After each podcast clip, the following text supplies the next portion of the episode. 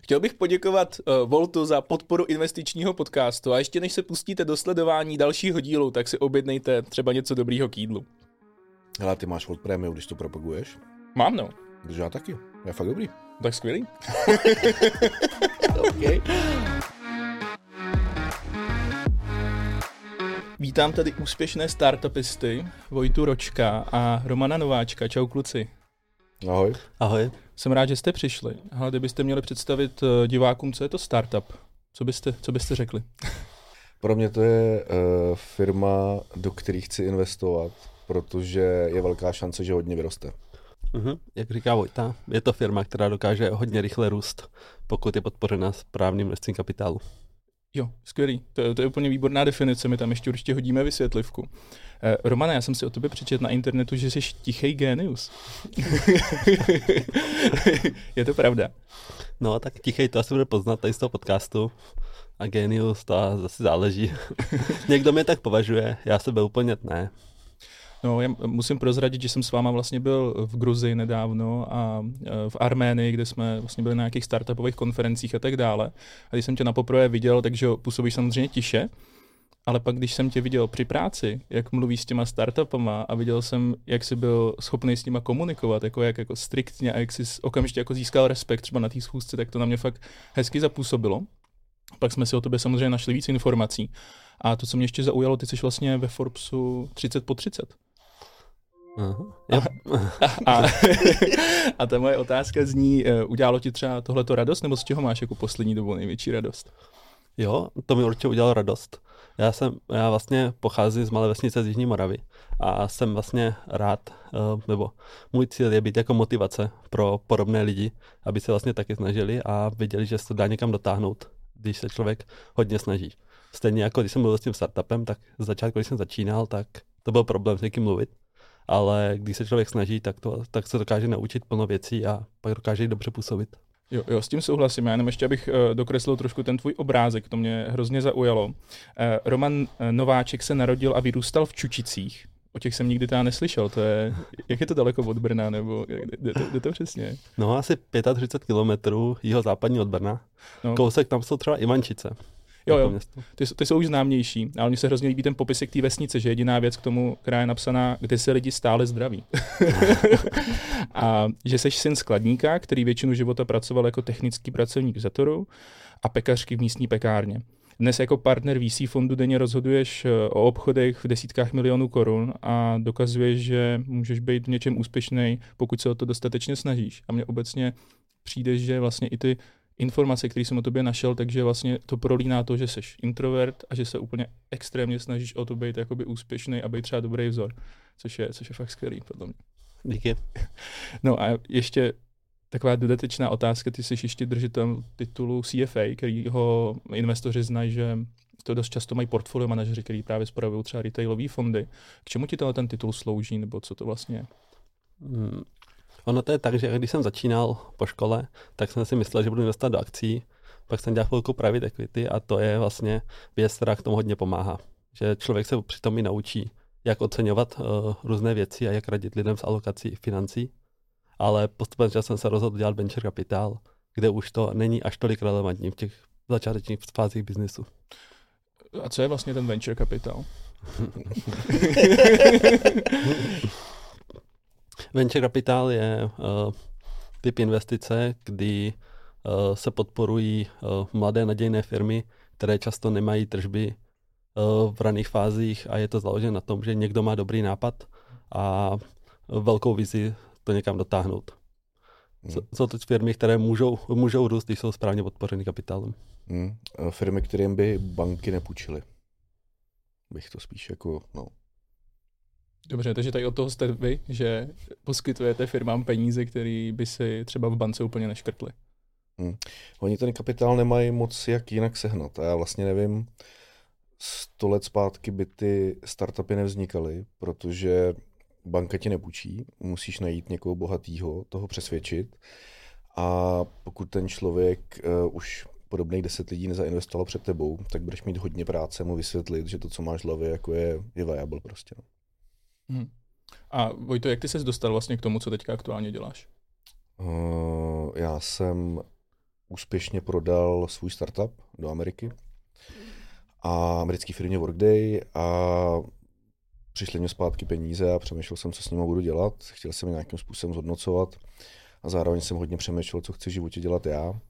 A vypadlo na mě, že se už eh, nechci bavit, že se chci bavit už jenom s chytrýma lidma. A podle mě nejchytřejší lidi dneska jsou, jsou ve startupech. Dobře, já myslel, že už mi tady smekáš poklonu, jako si se mnou tady bavíš, takže jako přišel do podcastu. mě, mě baví řešit problémy a, a startupy mají zajímavé problémy a řeší zajímavé problémy a pracují na zajímavých problémech. No. Co bych musel dělat pro to, aby se z investičního podcastu stal startup?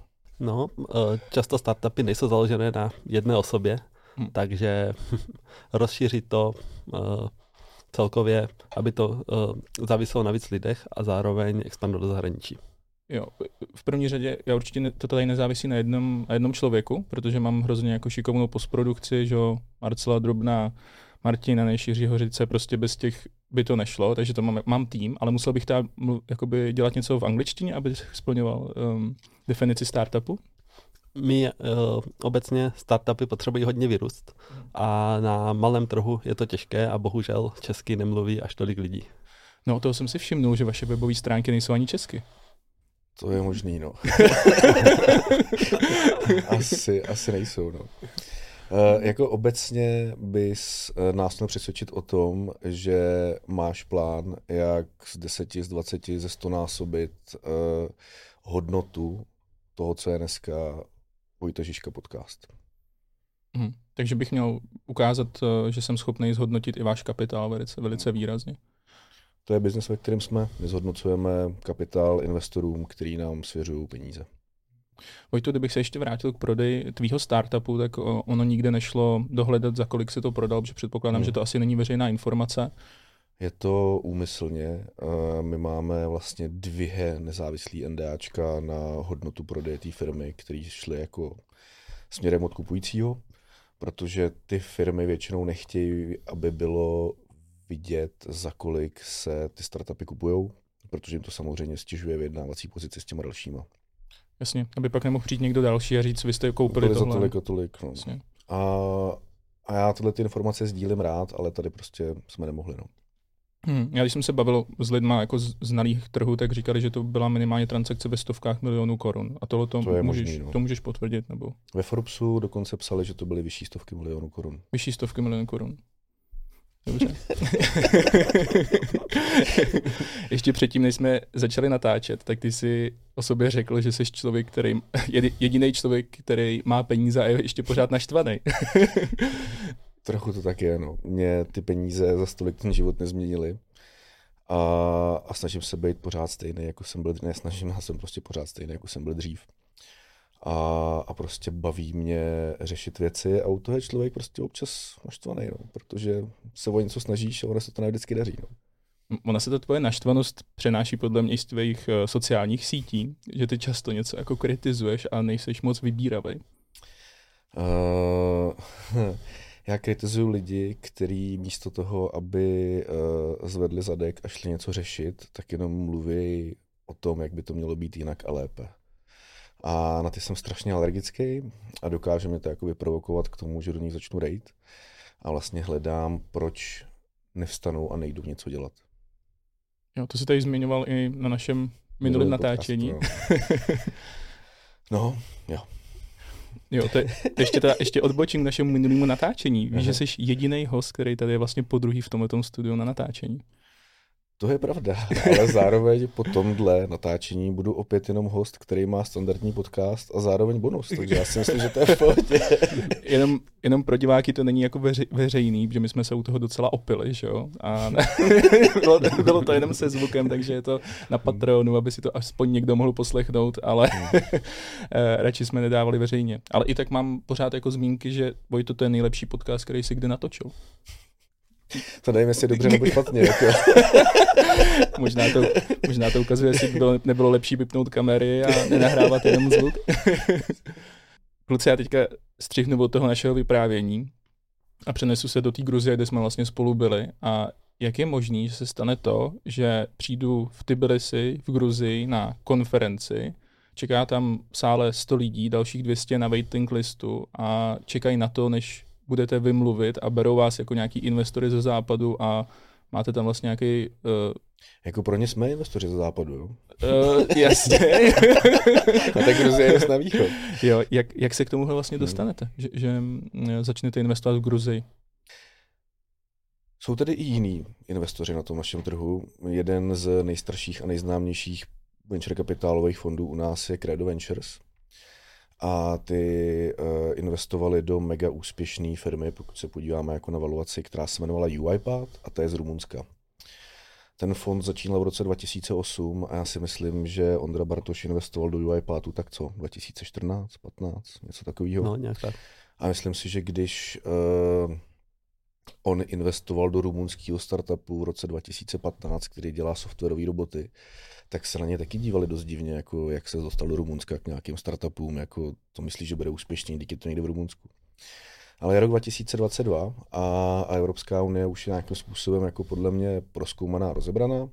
My máme nějaký oblíbený země, kam jezdíme a já jsem si řekl, že se podívám jako lehce za hranice. A jedna ze zemí, která mě baví, protože ta mentalita tam je zajímavá, hodně podobná té naší, je Gruzie. A tam to prostě, mně to tam připadá, jak eh, v Čechách prostě 5, 6, 7 let zpátky, takový ten správný začátek té křivky. A tak jsme se zamysleli, jak tam najít nějaký startupy. Našli jsme nějaký lokální lidi, kteří nám pomohli se nakonektit na tu scénu. Měli jsme, vlastně před tím půl rokem, co jsme tam byli, deset meetingů se startupama, z nich všichni mluvili anglicky líp než my, měli vymyšlený strategie, jak dobít vlastně Evropskou unii a, a byli skvěle informovaní a nám se to hrozně líbilo. A pak jsme se s jedním ze startupů z Gruzie potkali a rozhodli jsme se ho zainvestovat. A tenhle ten startup, eh, ten jeho founder má velmi dobrý jméno v rámci celé té gruzínské startupové scény. A on se víceméně nabídl, že nám uspořádá, že s námi uspořádá event tohoto typu. A my jsme se tam, přesně jak říkáš, prostě jenom, jenom ocitli a, a promluvili jsme ke 150 lidem z tamní startupové scény. No.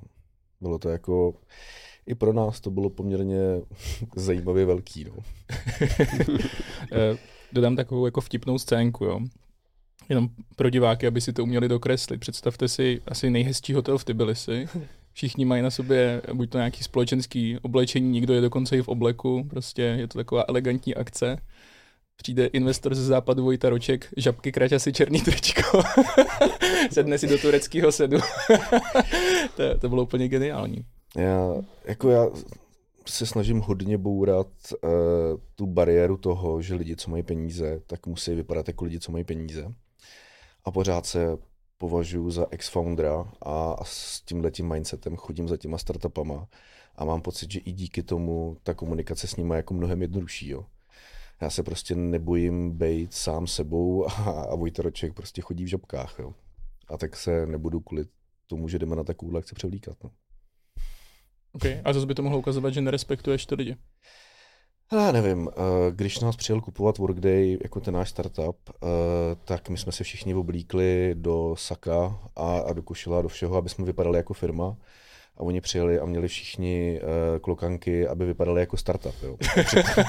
Přitom to je firma, která dělá prostě 4 miliardy revenue prostě ročně. Jo. A, a tam jsem pochopil, že uh, jako fakt můžeš přijet jakkoliv, oni nemají uh, oni nemají, oni nemají mentální obrázek toho, jak vypadá investor ze západu. Může vypadat tak jako my.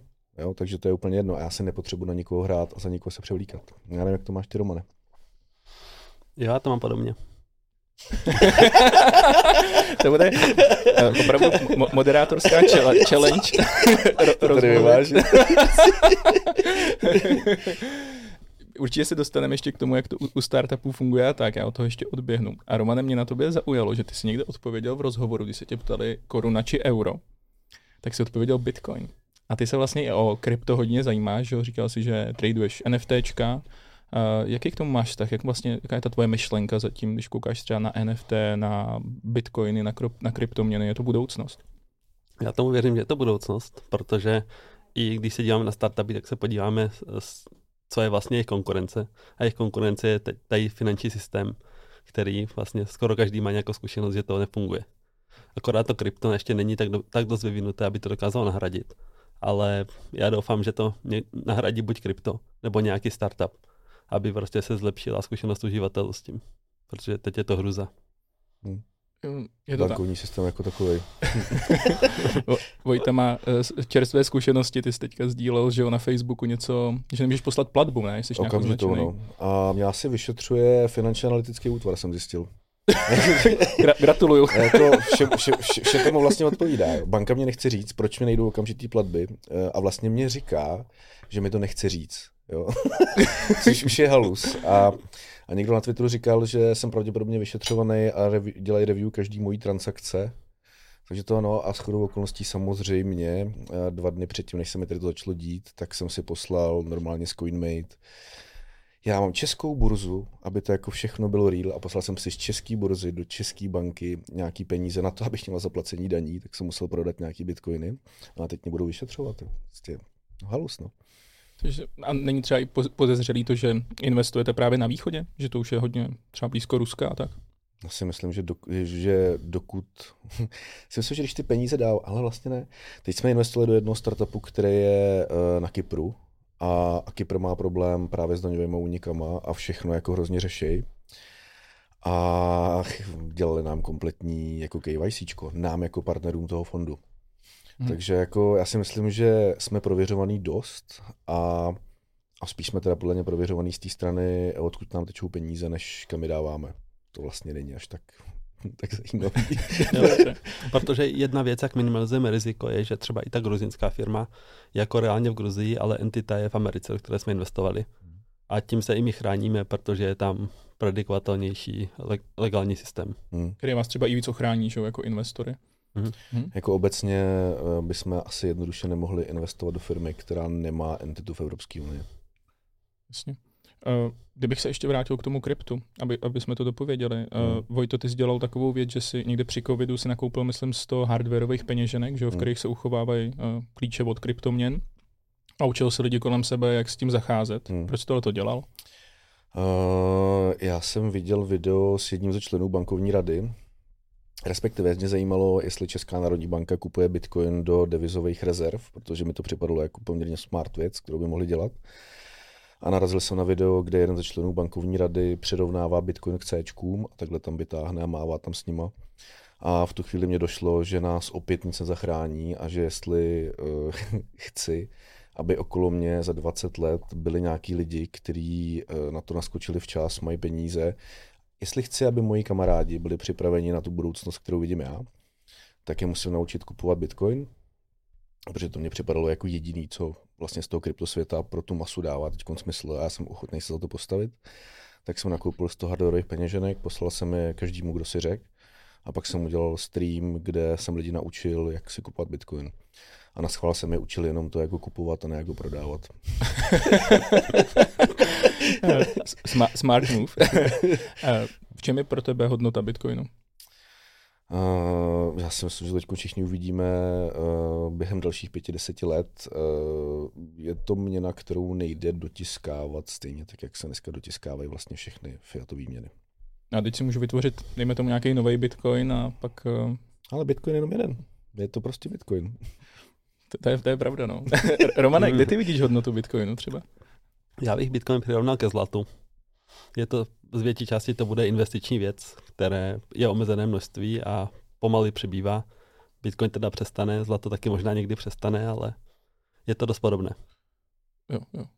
Já mám jako stejnou myšlenku, jenom je to třeba jako platidlo úplně nedává smysl, ale vy vidíte spíš tu utilitu v tom, že to by ochrana, nějaká, nějaká uschova. Kicom, kicom by ti řekl, že Lightning uh, channels jsou už na obzoru a že tím normálně platit jde, akorát to není ještě široce adaptovaný. Uh, takhle, já, já nerozporuju to, že s tím nepůjde dát, nebo že hmm. nebude technologie, abych s tím jednoduše platil, já rozporuju to, že bych s tím někdo chtěl ve velké míře platit.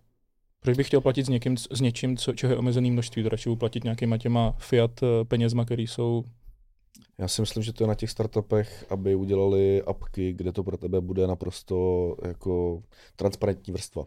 Hmm. To by mělo být jedno, v čem platíš. Že ta měna, kdyby byla jako, vlastně by měla být tak stabilní, že to začne být jedno. Prostě a budou to jako peníze v tom smyslu, jako fakt tomu říkat peníze, protože nebude potřeba řešit, jestli jsou dolary, nebo eura, nebo jestli to máš převedení a správnou měnu. Celý ten koncept je vlastně hrozně divný. Jo. Proč má existovat víc měn, proč není jenom jedna na celém světě. Jo. A jo, proč?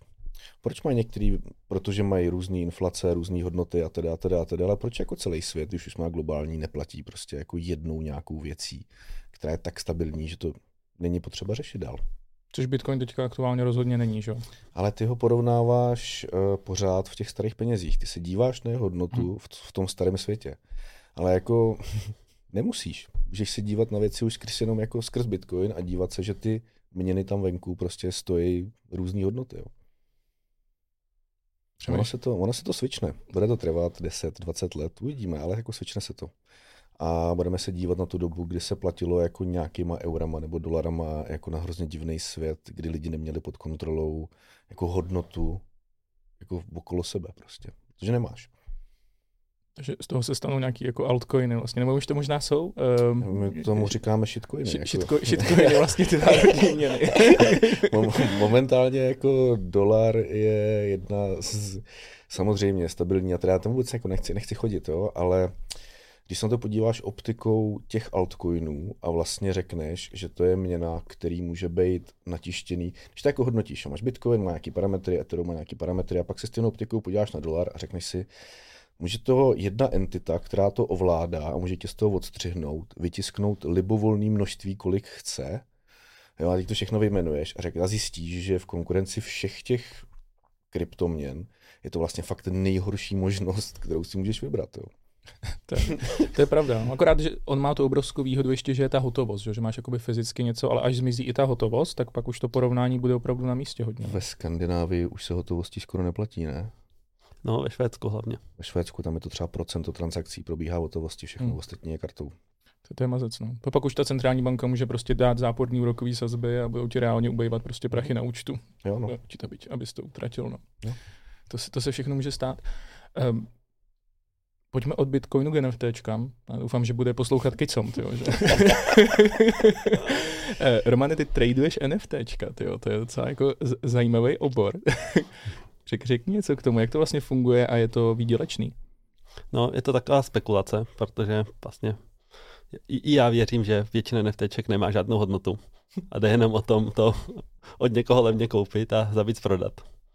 A já mám nějaké strategie, které využívám, eh, když zrovna investuji do startupu, takže na to nemám tolik času, ale většinou se snažím eh, koupit něco, si myslím, že půjde nahoru, anebo dělat arbitráž mezi burzama. Hmm. Jasně. Arbitráž vysvětlíme, takže ty vlastně koupíš uh, eh, NFT, který se obchoduje třeba na dvou burzách a jenom to převedeš a vyděláš na té rozdílní ceně, by se dalo říct. Jo. S tím, že u NFT je to trochu složitější, že to není jako krypto nebo akcie, že vlastně všechno je homogenní, hmm. ale každé NFT je unikátní, takže tam vlastně často na to není uh, byt, takže se tam musí zalistovat a čekat, co se prodá. Hmm. Což to dělá trochu rizikovější. A taky je tam větší spread, takže větší možnost získat peníze. Jasně. A dalo, dalo by se říct, že třeba teďka, kdybych se pustil do toho, že budu tradovat NFT a budu mít dobrou strategii, že se tím fakt dá vydělávat, že se tím můžu uživit? No, když budeš mít dobrou strategii. okay.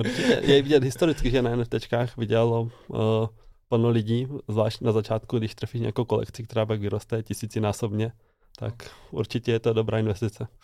Jasně, to už jsou že hnedka příklady, příklady ve vzduchu, že jo, stačí koupit board tape Stačilo. Stačilo, tak, přesně. No, eh, pojďme se vrátit k tomu tématu, proč tady jste, na co jste vlastně největší odborníci. A to jsou startupy. A já, to tom... dělám, já to dělám jenom půl roku. Já mám Romana na ty odborné věci. Já jsem koukal, já jsem koukal na Romana. Já jsem koukal na Romana. Eh, kdybyste měli vysvětlit člověku, který akorát zná to, že si může koupit uh, index S&P 500, Uh, jo, buď to někde na u broukra, nevím, u Xetu nebo na portu třeba přes, ně, přes něco, uh, tak uh, jak byste takému člověku vysvětlili, co je investování do startupu, jak to vlastně funguje a kdybys uh, Romane mohl úplně úplný basics říct, jako úpl, úplně jednoduše, řekni mi to opravdu jako člověku, který skoro nic neví, jak, co, co to vlastně, jak to funguje ten systém. Je to podobné k investování do firm na burze eh, tím, že my dáváme firmě peníze a získáváme tato podíl. Eh, je to více tak, když eh, firma vydává nové akcie, tak vlastně ty peníze nejdou někomu jinému, kde je drží, ale jdou do firmy. Takže my dáme firmě kapitál a za to vlastně dostáváme procento v té firmě a pomáháme jí růst. A když vyroste, tak my to pak prodáme za několik let a snažíme se to vydělat. A vyděláme na tom. no, to jsem, to jsem se i dočetl vlastně, že byste z desetinásobili kapitál v tom uh, prvním fondu, který, který jste založili, myslím. No, pořád je to takové, že uh, se to může počítat různými metrikami. Aha. Že dokud se, to, dokud se ta firma neprodá, tak je to takové desetinásobení na papíře. Jasně, jasně. Ale to snad přijde. Uh, no, ten fond má naplánovanou nějakou životnost, která je, a teď nebo prav 8 let. No, 8 až 10. 8 až 10 a během té doby by mělo být všechno vypořádaný.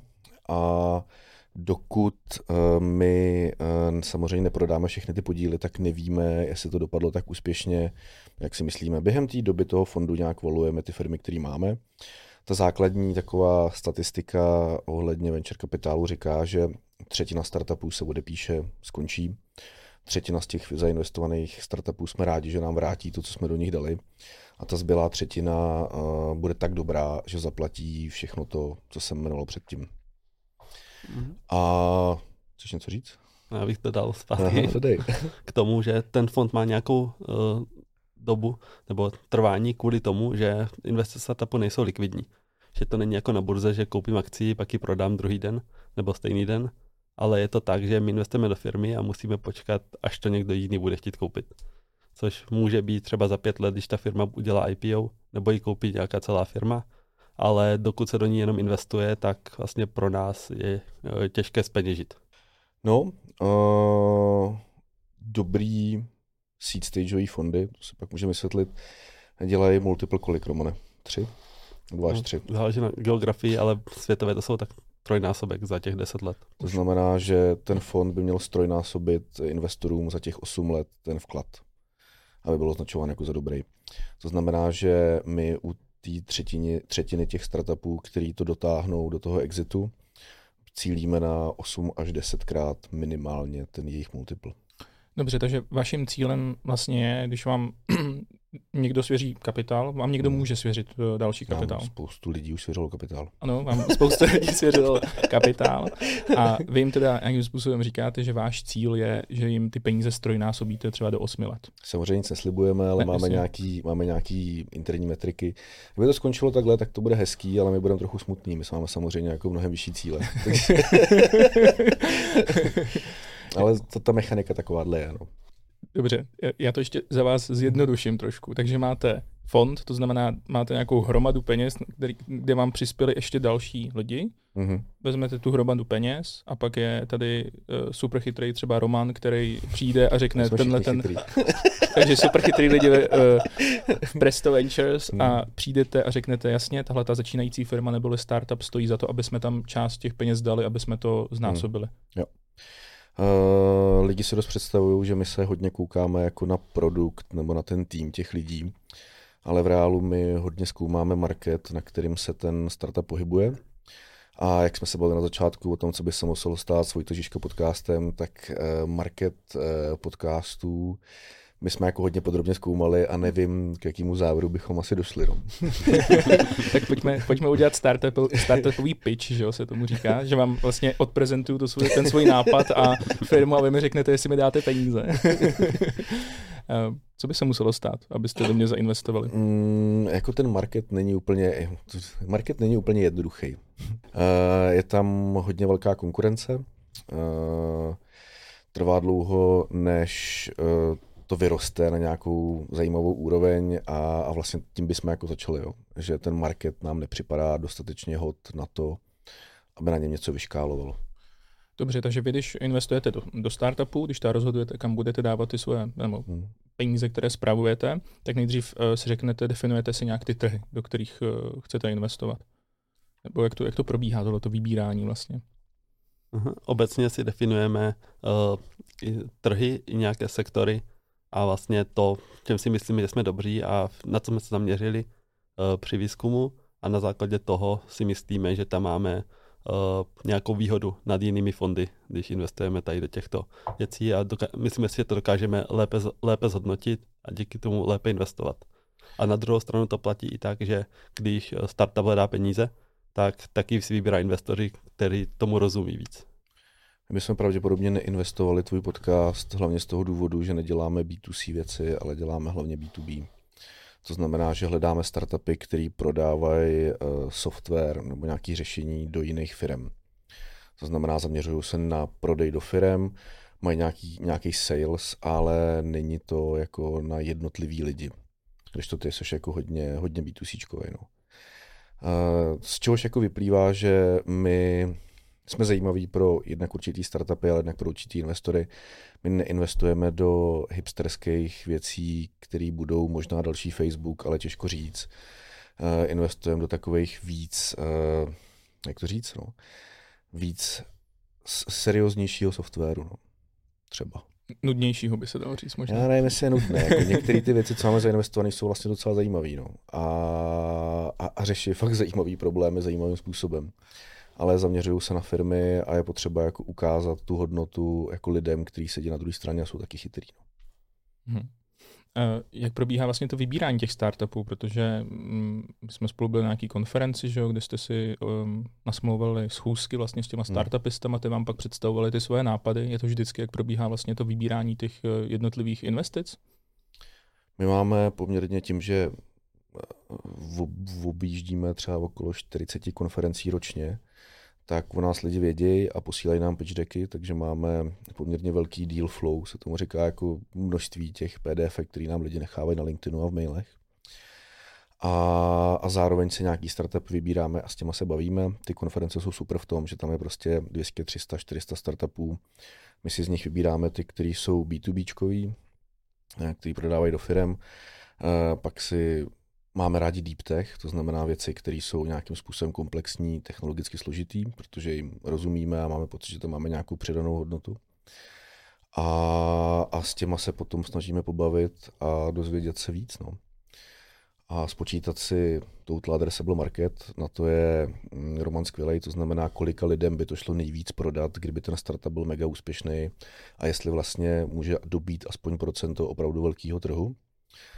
A pak se hodně soustředíme na osobnost těch founderů, protože když s nimi máme dalších pět, šest let řešit jejich problémy každý měsíc na bordu, tak prostě chceš někoho, s kým seš OK zajít na pivo a není to úplný debil, který mu chceš dát jako pěstí po každý, když něco řekne. No.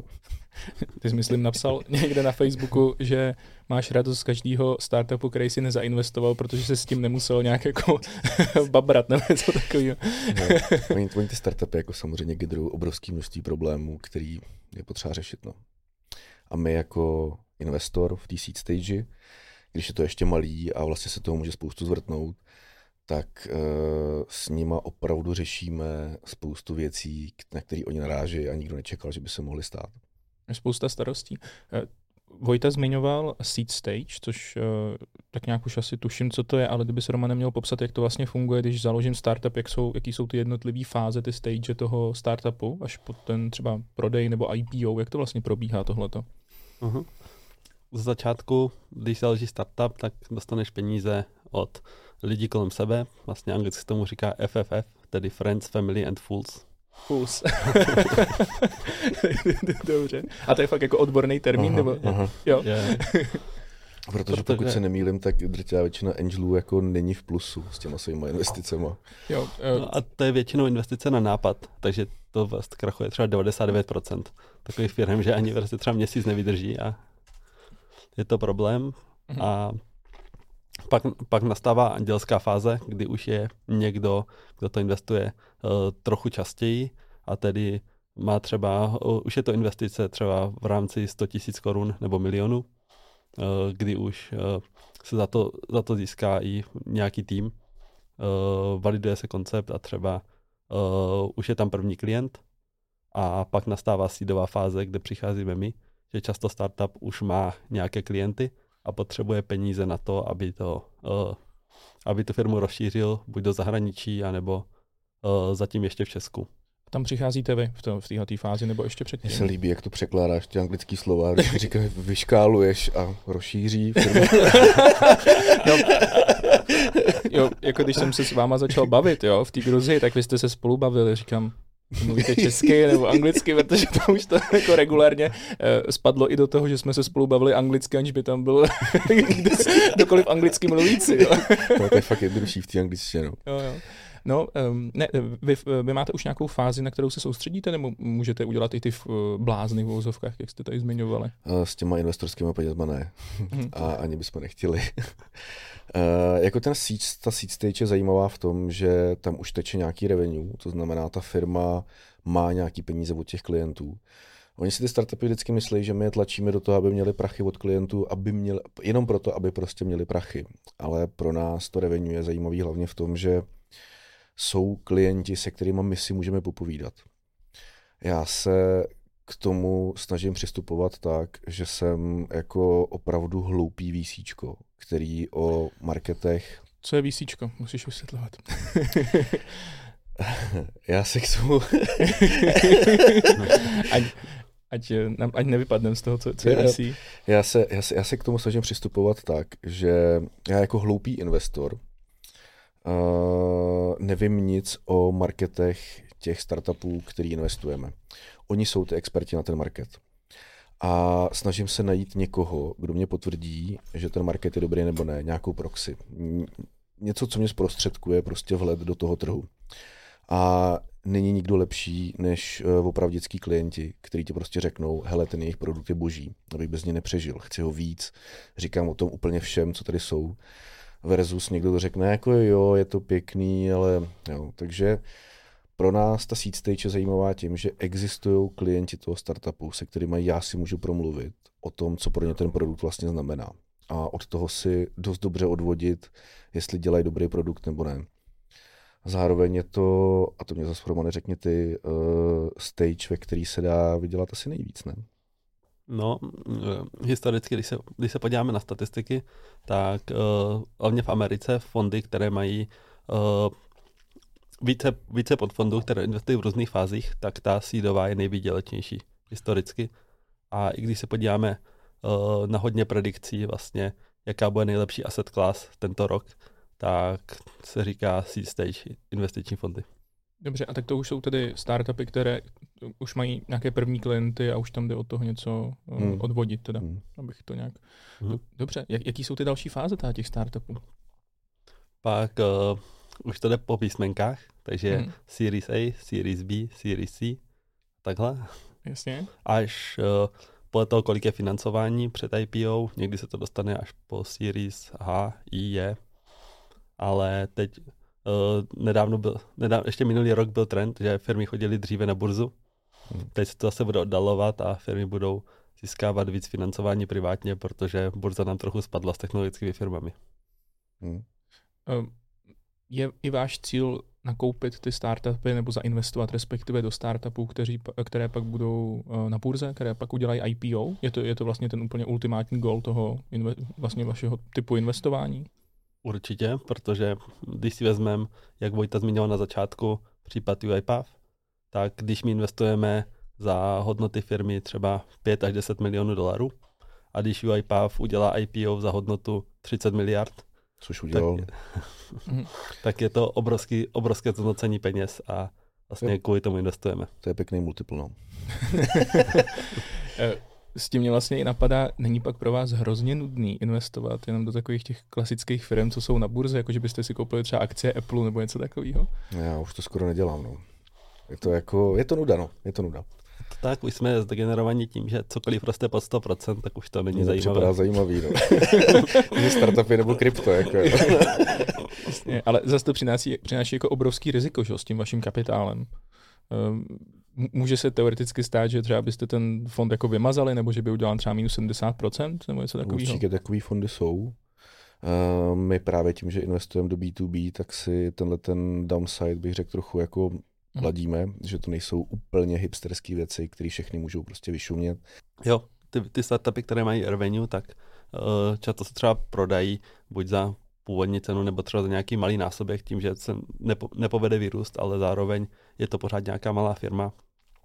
Nejsou to věci jako, nevím, to bude příklad je Clubhouse, kde vlastně získali 100 milionů dolarů, aby to rozjeli, pak než to, než to monetizují, tak to začne upadat a možná z toho investoři neuvidí vůbec nic. Já ty B2C startupy vlastně jako z tohohle důvodu hrozně nemám rád, protože se to v dnešní době zcvrkává na trefit dobře marketing. A to znamená pay per click reklama na internetu, to znamená, že lidi platí za to, aby se reklama ukázala jako první na Google na nějakou, na nějakou frázi, tak její cena šla a speciálně během posledních dvou let brutálním způsobem nahoru na některé klíčové slova, třeba jako 10krát, 20krát. Jako na hypotéku mě banky teď platí 2000 za jeden proklik korun. To je strašný, jako možná i víc. A, to, a když někdo proklikne, tak to vůbec neznamená, že si něco koupí nebo tak. Jo. Jestli chcete ruinovat banky, klikejte, dejte hypotéka, klikejte všechny odkazy, které tam jsou. Ale ty... to, takhle jako proklikneš třeba 10 litrů jako, jo, někomu. Tebe štve, že ti zablokovali ty okamžitý platby. Tady jenom, jo, krypto je budoucnost, zrujnujte banky. ne, mě, mě štve, že mě nenapíšou, že mě vyšetřují. Jako kdyby mě řekli, prostě vyšetřuje, vás, vyšetřuje vás jako analytická kubra, tak řeknu, OK, fair deal, počkám, počkám, jak to dopadne. Jo. A oni mi nechtějí říct, že mě ani vyšetřují, mě, jako, mě irituje. No. no to je jedno. A co když ti to prostě nemůžou říct? Jako? Tak, no ale to je chyba, jako proč mě to nemůžou říct? Proč mě nemůžou říct, že mě vyšetřují? Jako, no, mě to, mě to prostě štve. To je jedno. Uh, pay-per-click reklama je teď extrémně drahá a vlastně ty B2C startupy jsou závislí na tom, že se jim povede trefit marketing na první dobrou. To znamená, že se jim povede oslovit za nějakou cenu ty uživatele, který potřebují. Je to strašně drahý a, a vlastně s přibývající nebo se stoupající cenou stoupají náklady těch startupů a ty investoři potom musí vysolit hrozně moc peněz jenom na to, aby se tomu startupu povedl ten marketing a nabral tu kritickou masu těch lidí. To my nepotřebujeme, ty naše startupy to jako prodávají jinak, oni prostě jsou selsáci, kteří někam volají nebo někam chodí, s tím my jim umíme pomoct a to není tak závislý prostě na, na reklamě jako takový. Já jenom dodám, že uh, plno startupů samozřejmě umírá a nevrátí žádné peníze, ale my to limitujeme trochu diverzifikací portfolia, když z fondu investujeme 20 až 30 startupů a díky tomu máme relativně velkou šanci, že se nějaký povede. Zároveň to vysvětluje, proč investujeme občas jako hodně ambiciozní věci. Pokud dvě třetiny toho, těch startupů jako umřou nebo vrátí sami sebe, tak ta poslední třetina musí být jako fakt zajímavá a musí být hodně ambiciozní. Dost často se to předovnává k raketovému palivu, a že my jako startupoví investoři jsme díleři raketového paliva a vlastně bychom ho měli prodávat jenom lidem, kteří opravdu staví rakety. Pokud ho prodáme někomu, kdo má auto, tak to dopadne špatně. Stejně tak, kdyby někdo doma raketu natankoval benzín. Prostě ten meč tam musí být na obou stranách a ty lidi musí chtít stavět rakety. Z toho, co vlastně říkáš, mi vychází, že vy třeba nezainvestujete, nemyslí, takhle nebylo by to kvůli tomu, že to je špatný biznis, ale ne dostatečně rychle rostoucí, dostatečným, po, dostatečným potenciálem. Hmm. Jasně. Jako musíme vidět chtivý trh a lidi, kteří ho dokážou jako extrémně rychle hrozně moc obsadit. Hmm ten růst generuje obrovské množství problémů jenom jako s nabíráním lidí, s firmní kulturou, s tím, aby ta firma vůbec fungovala. A ty lidi musí být schopní to prostě odřídit. Nejenom to, ale ještě jako růst rychlejc, než si mysleli, že budou růst prostě. Jo. Mm, kolik vlastně spravujete peněz, kluci? Můžeme to říkat? Můžeme. kolik spravujeme peněz? No, uh, my teď uh, jako fond vlastně máme různé fondy, které investujeme uh, třeba ro, rok až tři roky. To vlastně dostáváme. Teď jsme, uh, teď, teď máme druhý fond, který mm. jsme uh, vlastně nějak začali koncem minulého roku a pořád je vlastně ještě otevřený, takže v následujících tři měsíce, tři, třech měsících uvidíme vlastně, kolik bude ta finální částka, ale teď je to něco kolem uh, 25 milionů euro. Jasně, a to je teda jenom v tom fondu, který je teďka otevřený, do Aha. kterého ještě vlastně můžou vstupovat nějaký mm-hmm. další jako investoři. A máte ještě ta první fond, který už je uzavřený. Aha. A to v tom je kolik peněz? Uh, no vlastně nevím. okay. První fond byla ještě trochu jiná struktura, Aha. takže tam to je Jasně, tam je, to ale ně, je rozinvestováno něco kolem 15 milionů. Ten multiple tam začíná být někde mezi co? 6 až 10? takže takhle, takže vy, vy chcete říct, že jste udělali třeba z 15 milionů euro třeba 80? Těžko říct, uvidíme, až se uzavře jako celá, ta, celá ta investiční perioda, ale je možný, já si myslím, že to bude víc. OK, takže kdyby se třeba opakoval, a to je největší chyba ta v investování, vzít minulý výnosy a protáhnout si to na ty Samozřejmě. budoucí, jo, budoucí, ale kdybych vzal ten stejný pattern, kdyby se vám to třeba Já si myslím, povedlo, že jsme dneska chytřejší. Myslíte, že to bude ještě lepší? takže si myslíte, že z teďka nějakých 20 milionů euro, což je ta půl miliardy, jste schopný třeba udělat... Uh, Uvidíme. Několik miliard může být. Uh, my jako správci těch peněz uh, samozřejmě uh, nejsme placený, nebo jsme placený až u urči, určitýho výkonu. Který uděláme na, co říká se tomu hurdle, nad nějaký limit, který je dneska co 8%? 8%, aha. Ročně. Mm-hmm. Mm. A JRR. Ja, takže my, Jasně. jako dokud nevrátíme 8% ročně investorům na těch peněze, eh, na ty jejich peníze, nebo na, na ty jejich peníze, tak nejsme ani víceméně placený. Jo, takže máme taky ambiciozní cíle a samozřejmě to jako chceme udělat velký. Jo, ještě vlastně výnosnost fondu následuje křivku, které se říká anglicky J-curve, eh, česky asi I je křivka, že vlastně začíná na nule, jde trochu dolů, vlastně eh, klesá to podle toho, jak umírají startupy ty první, a pak to jde hodně prudce nahoru díky tomu, že ty firmy, které se povedou, tak my vidíme, že se povedly, vidím, že třeba rostou trojnásobně ročně, takže tam je očekávání, že třeba ta valuace se taky bude zdvojnásobovat, trojnásobovat ročně, takže proto si věříme na ty větší multiples, že, to, že by se to mělo zvedat a ne zmenšovat. Jo, vlastně v tom vašem žargonu vy mluvíte o multiples, takže vy nemluvíte hmm. o tom, jestli uděláte 8-10%, ale vy říkáte násobky, násobky. vždycky ty dané investice. jo, to je potřeba ale jako... To je ta nuda, do 100% je to prostě nuda, no. Ale jako, jako poměr... procent jsou zajímavý. poměr riziko výnos prostě je, jsou jak fyzikální zákony, to člověk jako neobejde, takže hmm. i vy s tímhletím jako podstupujete obrovský stát riziko. To může, jo, se to, to může. To jasný. A hlavně uh, my vlastně pět let nejsme skoro vůbec placený, jo když se mm-hmm. nad mhm. tím zamyslím. To je jako je to fakt, uh, je to fakt long run, kdy my až po pěti letech, kdy vrátíme investorům ty prachy a teda a teda a teda, tak teprve možná uvidíme z toho, z toho zbytku, vlastně z toho zbytku té J-curve, hmm. jako konečně nějaký peníze pro nás. No. No, já mám teďka volných 10 tisíc euro a chtěl bych vám to hodit do toho fondu. Ale jestli najdeš ještě lidi, kteří mají třeba 490 a dáte to dokupy, tak... takže, takže, takže mě říká, že mě nechceš teda. Jo? Ne, to jsem vůbec neřekl. Já jsem řekl, že by bylo fajn, kdyby se vás víc dalo dohromady a jeden vás reprezentoval a měli jste třeba půl milionový tiket. To by bylo super. Dobře, takže do toho vašeho fondu berete od uh, půl milionu euro, řekněme. Není to takhle striktní, ale jo, jo.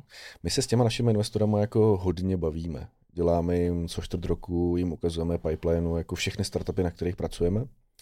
A bavíme se s nimi, zajímá nás jejich názor, máme tam chytrý lidi. A to samozřejmě nejde dělat jako se stohlavým davem. Jo. Takže to máme nějaký minimální limit na velikost toho tiketu, na velikost toho lístku k nám. A aby jsme ten počet lidí udrželi v nějakém rozumném množství. No. Jasně, protože tam nechcete uh, 100 žížků, který si za 10 tisíc euro koupili tiket a pak vám tam pruděj. Já jsem to takhle neřekl. Bylo, bylo by fajn, kdyby se reprezentoval třeba 10 kámošů, kteří se složili. To je jako super. Jasně, jasně. No to by každý musel dát pořád 50 tisíc euro, že? Což, což je jako hodně peněz. A je to hodně? A myslíte si, že je vhodný, když budu mít třeba člověka, který prodal firmu, má na účtu řeknu 20 milionů korun nebo 25, hmm. dejme tomu milion euro, aby vám dal třeba půlku svého majetku do toho fondu. Myslíte si, že to je Myslím moudrý si, krok? Ne. Měl by mít větší majetek teda ještě.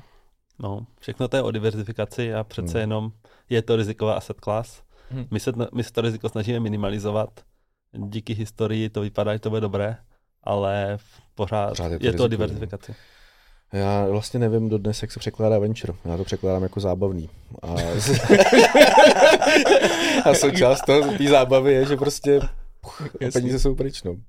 Dobrý, takže vy teda přijdete, řeknete, eh, čau, my jsme kluci z Presto Ventures, dejte tam půl milionu euro, je s náma sranda.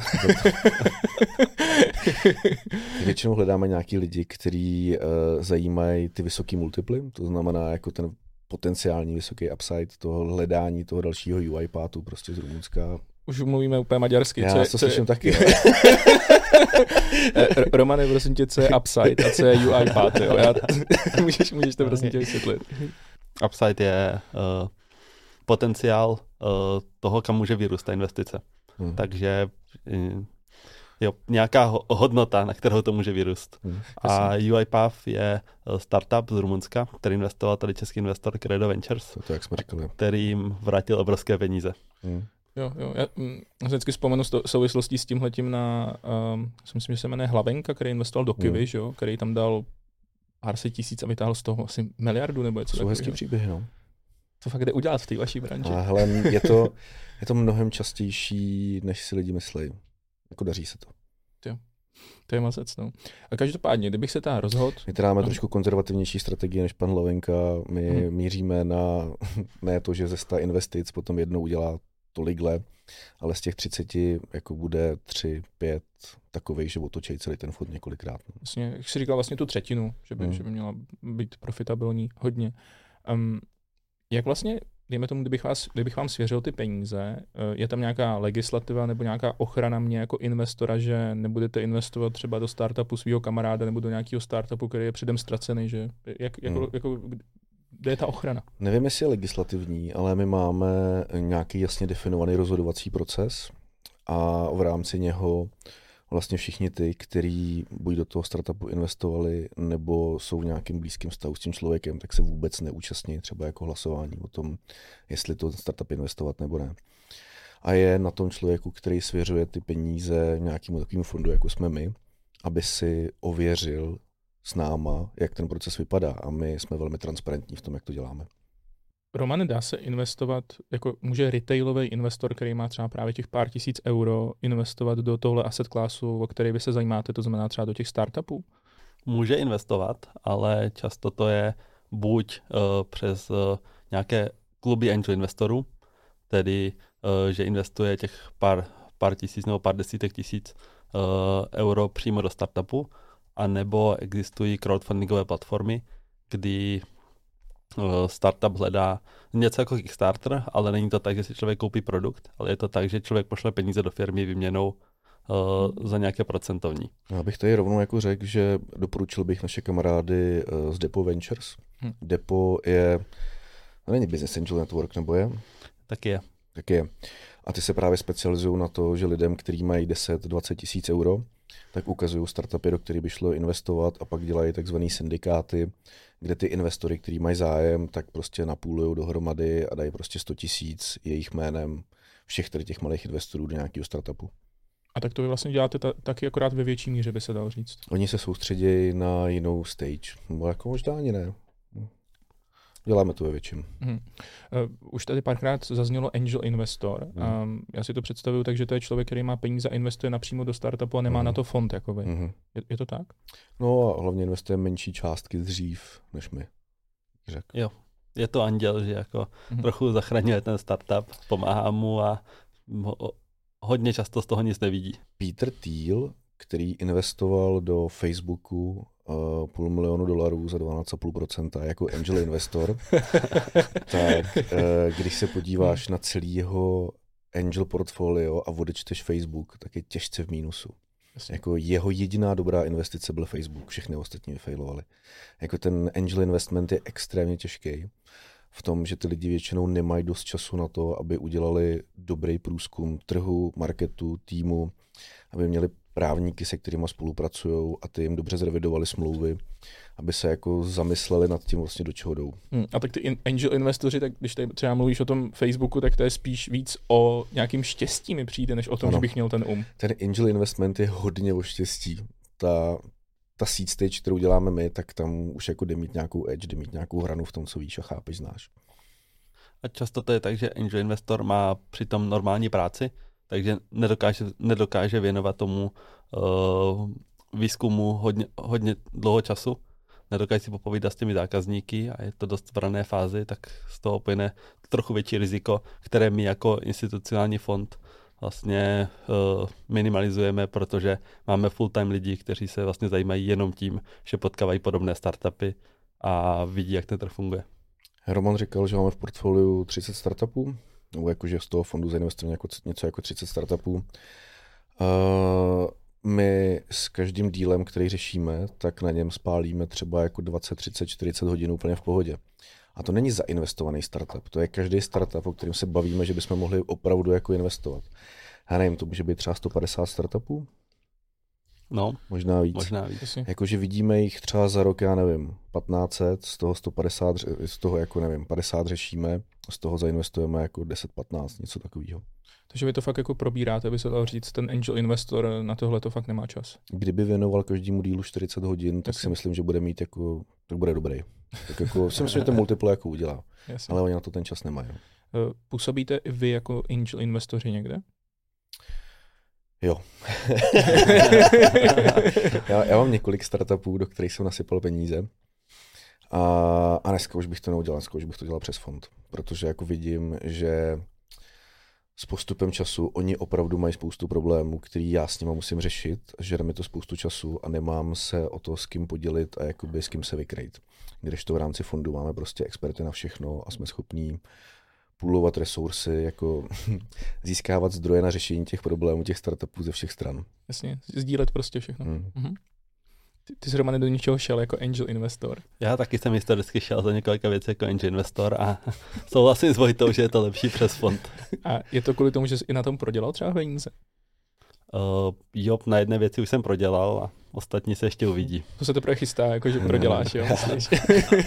Já zatím tak na třech a ostatní taky uvidíme. No. Jak třeba velký ztráty to jsou? Kolik, těm, kolik těch peněz jste s těm startupům dávali? Já jsem odepsal podle mě už tak půl milionu euro. Prostě schořelo. Já jsem investoval menší částky, takže do 50 tisíc euro. Jasně. A tak zase může tam něco vít, ne? Možná, nebo... Uvidíme.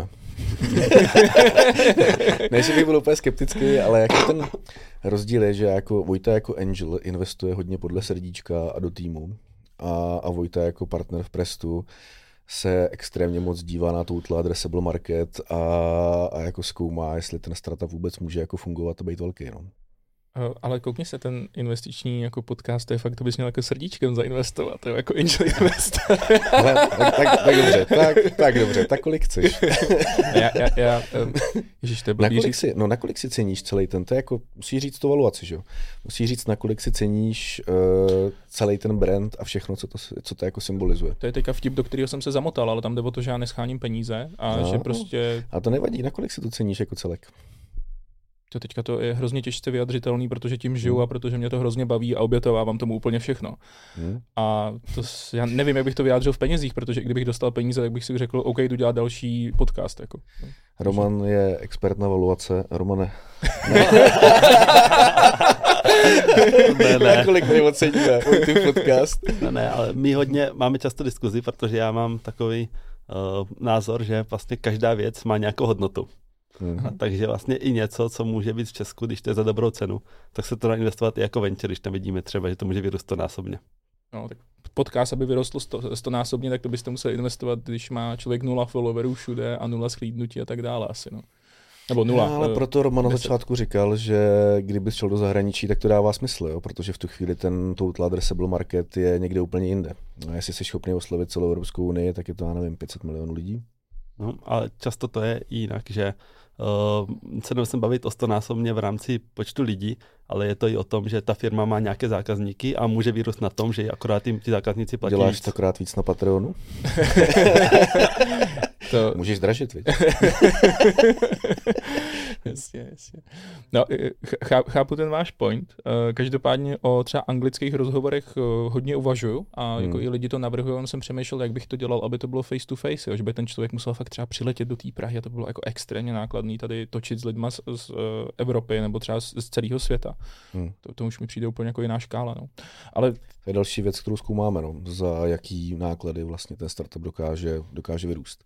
Um, jenom kdybych se ještě vrátil k těm startupům, um, čes, když si vezmu jako naši zemi, tak tady je třeba Rohlík, že jo? je tady Hmm. Pilouka, která stoupila na burzu, Hmm. uh, jsou tady ještě nějaký jiný jako úspěšný velký startupy, na, na co můžeme být hrdí a jak na tom vlastně jsme v porovnání třeba v rámci Evropské unie a jak na tom porovnání Evropská unie versus svět. Jak, jak tohle to vnímáte třeba tady to podhoubí? Mhm. Tak eh, v Česku je plno jiných startupů. Ten první, co se vlastně považuje za startup, je Avast, který Hmm. vlastně už vyrostl 20 let je, zpátky. to je krásný příklad. No. A dotáh to až na burzu. A pak tu jsou i uh, vlastně Pilulka Rohlík jsou takové, které se uh, jsou orientovaní B2C, takže business to consumer, tedy uh, zákazníci jsou vlastně lidé, kteří díky tomu jsou známí, ale třeba uh, hodnotný startup je Product Board, který dělá vlastně software pro jiné biznesy a ten, ten má taky už hodnotu více než miliardu. Jako Česko uh, jsme na tom relativně špatně oproti západní Evropě, protože uh, tady chybí kapitál na investování do těch startupů a i kultura v Česku je taková, že plno lidí pořád neví, co je to startup, co je to venture capital, což už na západě, hlavně v Americe, je úplně běžné. A musíme se k tomu dostat. Dobrý příklad je uh, například Estonsko, kde vyrostla firma Skype, která vlastně uh, i měla kapitálovou strukturu takovou, že rozdali podíly zaměstnancům a díky tomu z nich se stali pak ti malí angel investoři a rozinvestovali uh, hodně peněz do startupů v Estonsku a ti se vlastně už kulturou přiblížili uh, západním zemím a když se podíváme třeba na investice uh, investice na obyvatele, uh, tak jsou na tom jedni z, nej, z nejlepších na světě. Máme co 2000 dolarů na hlavu? No, skoro 4 My tisíce. máme, my máme 80. jako 80 dolarů. A jak je jako doprčit možný, že Estonsko, který je menší Hmm. než my, a vlastně i chudší že, jo, země vlastně. Teď už ne, ty- mají no, startupy. je, je, lepší v těch startupech než my. Um, To je zajímavý. Je to, ano, je to zajímavý. Eh, Nepodcenili digitalizaci státní zprávy, všechno tam je extrémně jednoduchý, nic ty podnikatele nebrzdí, mají blízko do Skandinávie a správnou mentalitu. Ještě něco?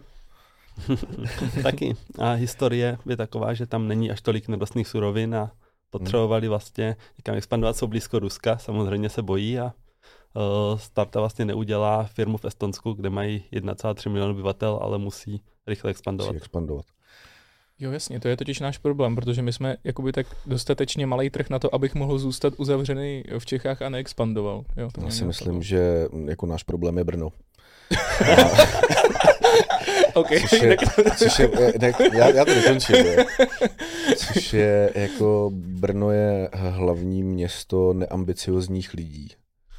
A, to dá dokončil. a, my, počkej, a my se musíme jako tady všichni snažit, aby se Česká republika nestala jedním velkým Brnem, jo? protože k tomu máme rozhodně nakročeno.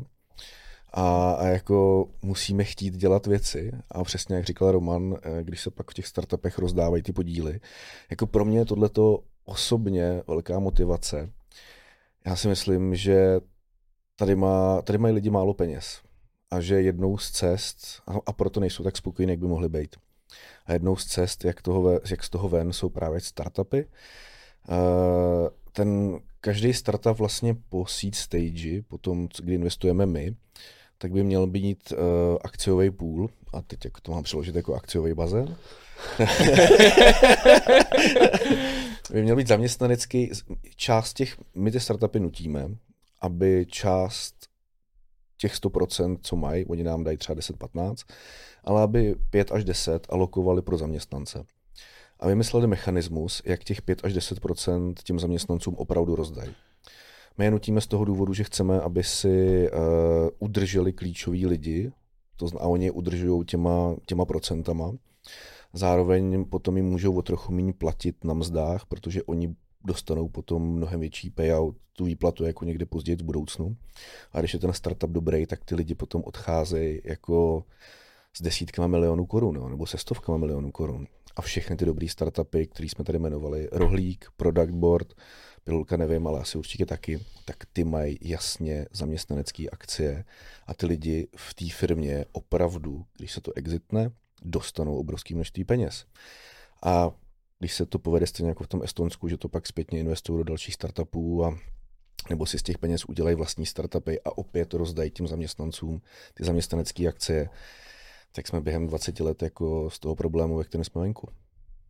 Takže ten recept na to je sdílet to svoje bohatství, ne, ne, nehamounit, ale podělit se třeba i s těma zaměstnancema v tom startupu. Dělat úspěšné projekty a všem těm lidem, kteří ti pomohli, tak jako, když ten projekt bude opravdu úspěšný a ten multipl bude obrovský, tak je ti jedno, že si 10% jako rozdal všem těm, kteří se to účastnili. Ale ty jsi ještě zmiňoval to Brno, jak si to tam myslel, že to je plný neambiciozních eh, lidí? Ah, To je těžký. Jako, znáš nějaký brněnský startupy, kromě Kivy? No tak eh, já neznám jako moc ani českých startupů, popravdě, ale znám lidi z Brna, ty jsou super. Jo. jako jasně, a to já jsem nikdy neřekl, že ne. Jo, jo. Uh, ale všichni tam, mám pocit, že tam všichni prostě chodí od 9 do 5 do práce a, a tím to pro ně hasne. A jako nemají chuť udělat něco velkého, co změní svět. Je to teda obrovská generalizace, samozřejmě, jo. Ale já tam ten mindset prostě vidím když jezdím po těch jiných městech a když přijdu do Brna, tak v Brně prostě jsou všichni rádi, že jsou jako v takovém tom svém klídku a to v pohodě a jsou v té kavárně nebo si otevřou novou a, a vlastně jsou hlavně všichni v pohodě. Jo. Ale to není mindset, ve kterém něco velkého vybuduješ nebo se ti povede něco velkého změnit. Jo, to, je, to je prostě jenom přežívání. To je to docela drsný tohleto. Já... Co ještě tomu řekl? Prostě. ne, ne, ale jako, okay. já to nekritizuju, jo. jenom říkám, že uh, symbolizuju opačný, nebo se snažím symbolizovat opačný konec tohohle spektra. Já se snažím z lidí dělat ty, který pomůžou těm ostatním, aby byl svět jako jiný, lepší. Jo? No, vlastně o tobě i Czech Crunch napsal, vlastní startup úspěšně prodal, do dalších teď investuje a ještě, si, ještě tam je zmíněno, Češi příliš diskutují a málo konají, chci to změnit. Hmm. Je ono, no. Takže málo se kecá, málo se pracuje teda. Hele, já se to nemůžu, nemůžu sám sedět na prdeli a nic dělat pro to, aby se to změnilo, když mám takovouhle filozofii. Jo. Takže já něco dělat musím. A pro mě ta nejpřímější cesta k tomu, aby se něco změnilo, jsou ty startupy. Zároveň s tím, pokud budeme schopni dělat ty multiply, o kterých tady mluvíme, tak se nám bude zvyšovat ten kapitál, který jsme schopni reinvestovat zpátky i ty naši investoři vlastně předpokládám, že nám, když uvidí, že jsme úspěšní, nám ty peníze dají znova, takže my budeme mít pořád víc a víc peněz na to podporovat víc a víc zajímavých projektů. Což by bylo jako super. No. Roman, jaký jsou tvoje myšlenky ohledně eh, Brna a startupové scény? já, já jsem v Brně studoval. Mně se Brno líbí. ale startupová scéna, tam uh, nějaké firmy jsou, ale problém je vždycky uh, že to musí nějak začít a musí tam být dostupný talent pro ten startup. A tak se to musí nějak vyvíjet a když ti, když lidi vlastně v Brně nemají tolik startupů kolem sebe, tak je to vlastně ani tolik neláká a uh, v Brně vlastně ani není tolik investorů. Takže ti startupy musí přijet pro kapitál do Prahy a často se i vlastně přestěhují do té Prahy. Trochu se to snaží napravit vlastně Evropský investiční fond, ale uh, zase to tolik nefunguje. Uh-huh. A jakou, jakou třeba roli právě ve startupech hraje Evropská unie? Pomáhá tomu nějak, nebo jak to, jak to hodnotíte? Jsou tady fondy, které mají evropské peníze, uh, my je nemáme, protože by nás to nějakým způsobem limitovalo, nás to nebaví, zatím, dneska, takhle, jak v tom jsme. Ale jsou tady, start, eh, jsou tady fondy, které mají evropské peníze, operují hlavně s evropskými penězma a ty financují startupy podle nějakých svých vlastních tezí, které mají. No. Jo, že vlastně jedna z posledních výzev byla na to, že byly venture eh, investice do startupů mimo Prahu v České republice. Tak to si, teď jsou tu fondy, které se o to snaží. My, no, je to, je to těžký, jo, potom hledat někde fustí startup. Ale a je otázka, jaký multiply budou mít oni, jo. Uh, já se na ty peníze, ty peníze z Evropské unie, teď je to těžký. Samozřejmě, že díky těm penězům z Evropské unie existuje víc startupů. A zároveň můžu, a což je jako super, asi. A můžu argumentovat i z druhé strany, díky penězům z Evropské unie uh, existuje víc startupů, který potřebují programátory. Těch programátorů je extrémně málo. A vlastně Evropská unie těma penězma vytváří konkurenci pro ty startupy, které jsou za, zainvestované normálně privátníma penězma a neměly by problém uh, na tom programátorském trhu. Jo, takže ve finále vlastně potom tady bude méně úspěšných startupů, protože se budou přetahovat o hrozně, malej, hrozně malou skupinu programátorů. Mně by se líbilo, kdyby Evropská unie vymyslela, jak z těch peněz vygenerovat víc programátorů. To by opravdu pomohlo tomu, aby tady bylo víc startupů. Ale kluci, já na vás mám spoustu dalších otázek, ale přesunem se do takové víc eh, safe zóny na můj Patreon, takže teďka se rozloučíme s divákama, který uh, koukali veřejně na YouTube a budeme pokračovat na Patreonu.